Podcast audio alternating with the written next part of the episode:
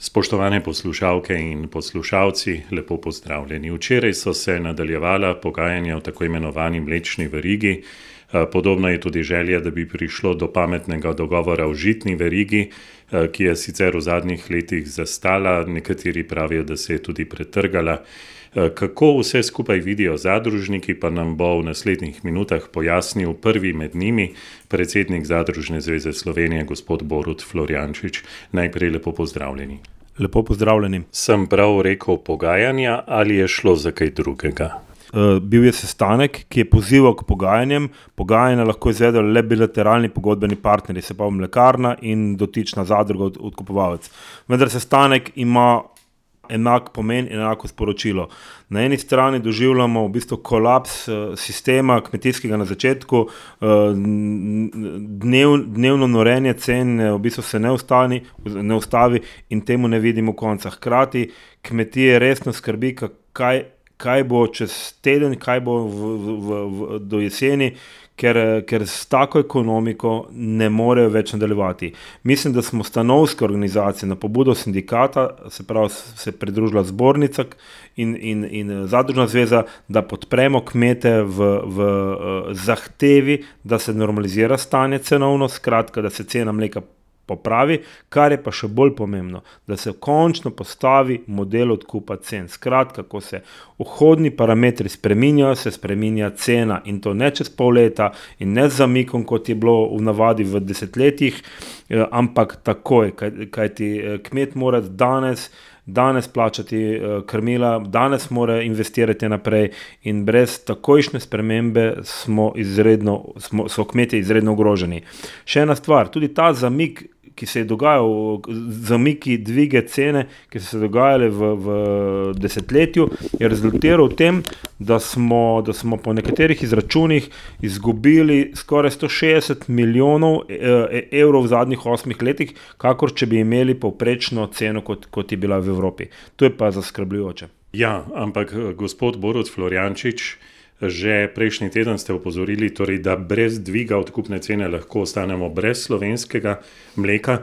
In čeprav razumem, torej zdaj je poanta v tem, da se določi en interval oziroma mesečni obračun ali eh, mesečni preračun, eh, do kje so prišla ta pogajanja.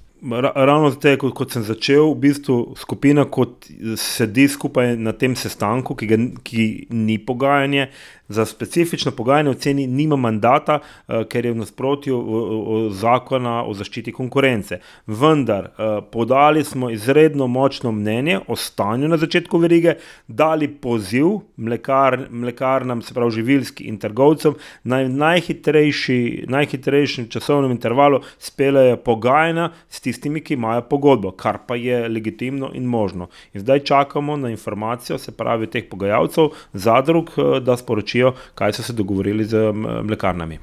E, torej, vse skupaj poteka nekako v luči e, tega dogajanja na AVK, glede lanskega dogajanja v žitni verigi, čeprav razumem. Ja, vsekakor mislim, da zakonodaja je pravilno, da je tako postavljena. Zaščita konkurence je, pom je pomembna stvar, zaščita potrošnika. Tudi tukaj ne gre za kartelno dogovarjanje, tukaj gre na koncu koncev za glas pijočega v puščavi. Kajte, če se nekomu zdigne cena krmila iz 250-300 na 1400 in da nihče ne več ne, ne, ne, ne v ponudbi ne, ne pove, koliko je cena, ampak reče, ali želiš, da ti pripeljem, potem je dejansko to smo že krepko čez polnoč. Uh, gospod Borod Floriančič. Zadruge ste ministrstvo že zadnjič, ko je šlo za dogovarjanje na področju žit, pozvali, da čim prej uredi zakonodajo glede organizacij pridelovalcev. Eh, takrat ste predlagali tudi, če se ne motim, prevzem evropske zakonodaje. Bi lahko podobno eh, bilo rešitev tudi zdaj za ta dogovarjanja znotraj mlečne verige? Ja, organizacija proizvajalcev je neka, bi rekel, stara zgodba. Um, upam, da ne zamujena, ampak na, napačno zastavljena in, neraz, in ne, ne, nerazumljena in nepravilno postavljena. Uh, konstantno apeliramo, pozivamo, zahtevamo ministrstvo, da prilagodi uh, pogoje za, za nastanek organizacije proizvajalcev in tudi potem za, za uh, izvedbo. Uh, Uh, trenutno ne morem reči, da smo uslišani tukaj, zakaj pa organizacije proizvajalcev pomembna, zato ker organizacija proizvajalcev pa se lahko pogaja z deležniki in ne zapade pod, pod iste eh, zahteve zakona o varstvu konkurence. Skratka, mi, organizacije proizvajalcev, po funkciji, po zasnovi imamo v zadrugah. Ne? In mi tu apeliramo na ministrstvo, da prisluhne in upošteva zgodovino slovenskega zadružništva, ki je močno in stabilno in da, da prilagodi, eh, seveda v, mer, v meri, kot lahko, evropsko zakonodajo eh, za organizacije proizvajalcev, da lahko čim prej začnemo funkcionirati v tem, v tem okolju, ki, kot rečem, je predvsem nujen za pogajanje. Eh, poglejte, na socialnih omrežjih so nekateri rejci v minulih dneh predlagali, da bi se zadruge kot odkupovalci povezali v tako imenovano zadrugo drugega reda, če sem prav razumel, eh, prek nje skupaj nastopile na trgu z mlekom in poskušale zagotoviti boljše cene. Eh, kako to podbudo komentirate na Zadružni zvezi Slovenije?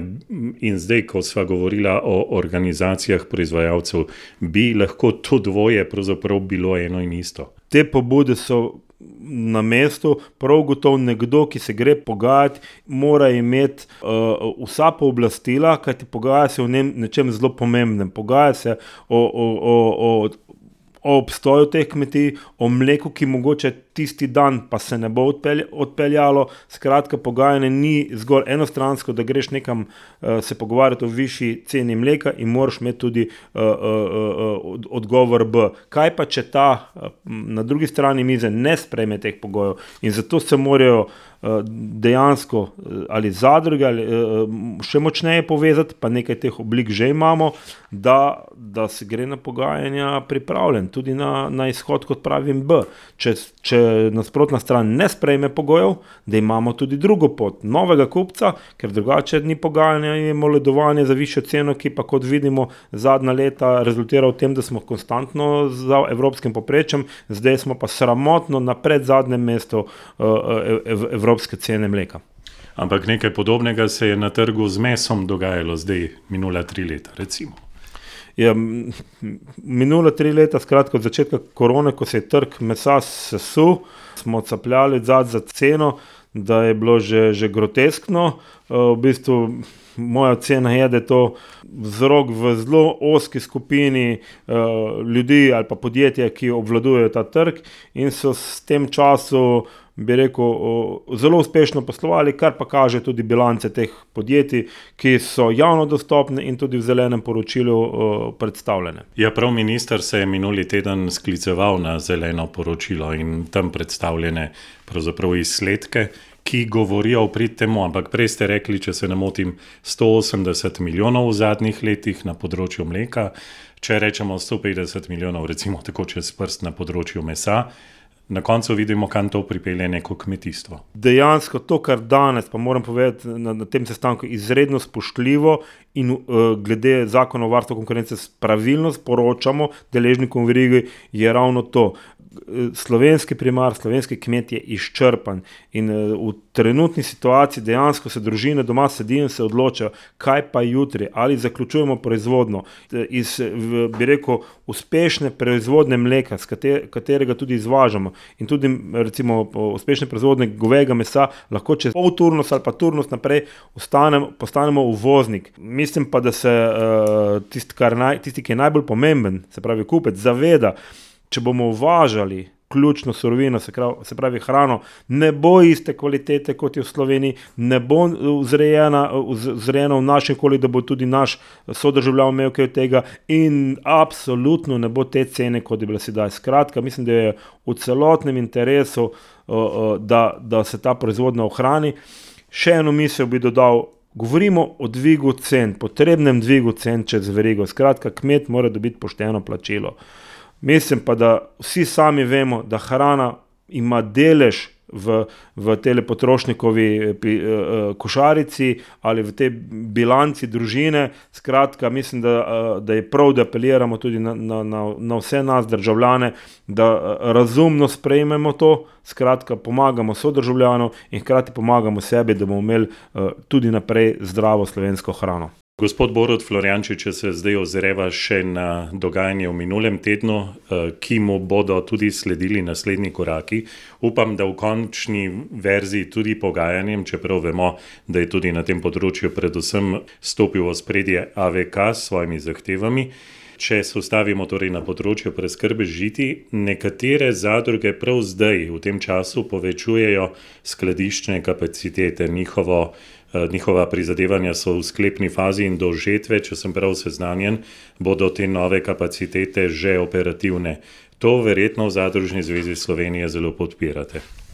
Absolutno, uh, skladiščna kapaciteta je alfa in omega vsega. In nekako me kar zaskrbel, ker se je čez medije zaslišal, da je kapacitet dovolj. Pa mislim, da se vsak zavede, ki je že pšenico in potem koruzo, da, da če moraš pšenico prodati do žetve koruze, nikakor ne moreš resno na, na, na, na borznem trgu delovati rabimo, uh, rabimo uh, kapacitete in to je za pozdrav, da zadruge to delajo. In tudi za pozdrav, mislim, da sta bila ena ali celo dva razpisa v, v, v, te, v, v te investicije. Skratka, pa tudi posodobiti se moramo tehnološko, da bomo, da bomo to žito, žita ustrezno uh, hranili.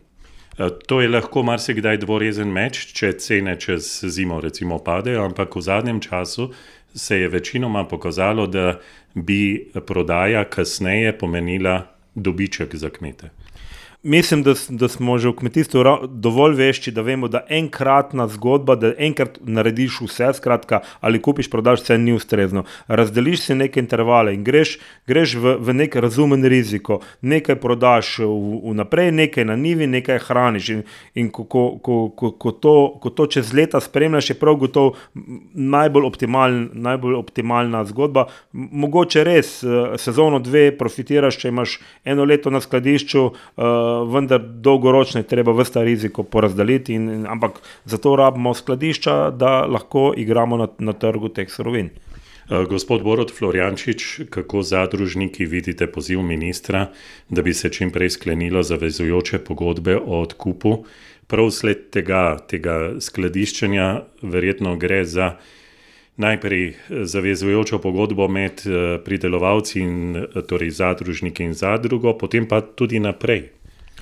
Ja, zadružniki so, to, so, so takoj razumeli eh, eh, pomembnost tega poziva, skratka, zagotoviti čim več žita v Sloveniji, kot smo rekli, skladišče je prvi predpogoj, da bomo imeli, da bomo imeli žito kam spraviti. Drugi pa je, da našem kmetu, predovalcev lahko povemo, da ja, po tej ceni ti bomo odkupili, zelo marca na tej borzi je taka cena, se strinjajo z njo, naredimo pogodbo za vse, za tretjino, četrtino, polovico tvojega predelka. Ampak moramo imeti ta dogovor, skratka, na pravilen način, spet ponovno rečem, glede varstva konkurence, postavljen čez verigo. Če ne smo, se pri nas zadruga ustavi. In tudi to smo dali poziv, vendar tukaj ni zaključena zgodba, je pa treba hitro ukrepati, ker vemo, da tudi trgovci žitom hodijo po naši, naši žit žitnici in odkupujejo žito, lahko tudi špekulativno, vnaprej po dosti višjih cenah, kot so trenutno tudi borzne. Eh, ampak tudi tukaj se lahko zgodi ta ista stvar, kot se je zgodila pri mleku. Torej, lahko gre za neko izmenjavo mnen, ki mora potem rezultirati v pogajanjih. Vsekakor, vse, kot sem rekel, eh, cela veriga mora razumeti, kako pomembno je, da imaš doma surovino, od mlečne, mesne, žitne. Ko, ko pa no, nisem črnogled, ampak hipotetično, da mleko, proizvodnja mleka pade, pa se lahko zgodi, da bomo naša živilska, če bo še obstajala, odprta, bo kupovala mleko po ceni, kot je trenutno se vozi v Nemčijo. Mislim, da se, okrog, da se vozi 55-60 centov spod, če že ne več, v Nemčijo, ker nimajo dovolj lastne surovine. Mislim, da smo tukaj zreli, da vemo, da moramo ohraniti primar, uh, uh, spraviti ta produkt po, po, po bi rekel, normalnih apetitih po dobičku do, končne, do končnega potrošnika, uh, drugače se, se, se cela zgodba uh, lahko ustavi. In um, mislim, da pa tudi se vsi spomnimo, koliko smo imeli samo skrbo za, za svinino, za prašiči in kje smo zdaj. Mislim, da te napake ne smemo ponoviti. Ob koncu še soglasje za določitev modela, ko sem minula, minuli dve desetletji spremljal to področje, vsako leto se je o tem debatiralo. Bi vendarle lahko enkrat zadeve napisali in bi dolgoročno držali. Ja, jaz upam, da, mislim, da, imam, da smo vse, vsi deležniki v verigi, da imamo dovolj znanja, da ne bomo razdelali ne vem, ne vem koliko razredov pšenice, če vemo, da se na koncu pa po, vem, v treh razredih ta pšenica zaključi, da, so, da v silosi konča v, v, vem, v skupnem silosu uh, in, in da, da si poenostavimo in da si tudi rečemo, bobo, bob, kaj je krmna pšenica, kaj je krušna pšenica in da ne pretiravamo z nekimi razredi, recimo proteinov, ki potem pa se uh, uh, na koncu uh, rabi še celo znižati, da, da pšenica rata, da, da rata krušna. Torej, dva velika izziva, verjetno bodo potem prišli zdraven še drugi sektori. Vsaj tako sem razumel tudi ministra, da pričakuje, da se bodo začele pogajanja v vseh kmetijskih panogah. Izziv vojne v Ukrajini pač terja to, da razmislimo, kaj pomeni domača pridelava. Gospod Borod Florjančič, za konec se vam zdi, da lahko v mesecu dni spravimo obe te dve področji, torej mleko pa pšenico pod streho. Bi bilo to mogoče? Ali je zdaj spet zakonodaja zadaj, pa organizacije proizvajalcev, da to uredi ministrstvo na evropsko primerljiv način? Kar se tiče mleka, Prvo je, da je treba pogasiti požar, skratka, ustrezno postaviti višino cene, da, bo, da bodo predelovalci mleka obstali in da, bo, da bodo lahko uh, uh, nadaljevali in proizvodno, nekateri tudi zelo intenzivno. Kasneje, jaz mislim, da je razumno, da se z členi v verigi dogovorimo o postavitvi modela, skratka, da se gradi na tem, da, da postanemo evropsko primerljivi tudi po ceni, po ceni mleka, skratka, kmetovalci korak po korak, najprej popravek cene, potem postavitev tega modela, ki bo ustrezen za, za vse deležnike v verigi. Če grejo stroške na začetku gor, se pravi, se mora cena popraviti. Če prije do nihanja cen, moramo tudi na, na naši strani razumeti, da se cena popravi, ne pa da smo mi vedno, uh, se, se pravi, samo informacijsko dobimo, kakšna je cena. Mislim, da moramo postati adek, adekvaten pogajalec uh, z dorečenimi pogoji igre v, v, v, te, v te mlečni in tudi ostalih verigah. Eh, torej, tudi na področju pšenice, žit. Ja, tudi ostala, vsa, vsa, vsa področja imajo svojo specifiko, pa vendar, ko, ko podpišeš pogodbo o delu, ti delodajalec napiše, imaš takšno plačo in imaš te pa te pogoje. Absolutno se moramo zauzemati, da tudi kmetovalec bo vedel, v kaj se ekonomsko spušča. Skratka, da, da, da nekaj začne predelavo, da ima krave v štale, da poseje pšenico, brez da bi vedel, kaj mu ekonomsko prinese, mislim, da je to nedopustno in moramo vzpostaviti ravno tako te modele tudi v naši kmetijski branži. Hvala lepa za pogovor in vse dobro. Hvala tudi vam.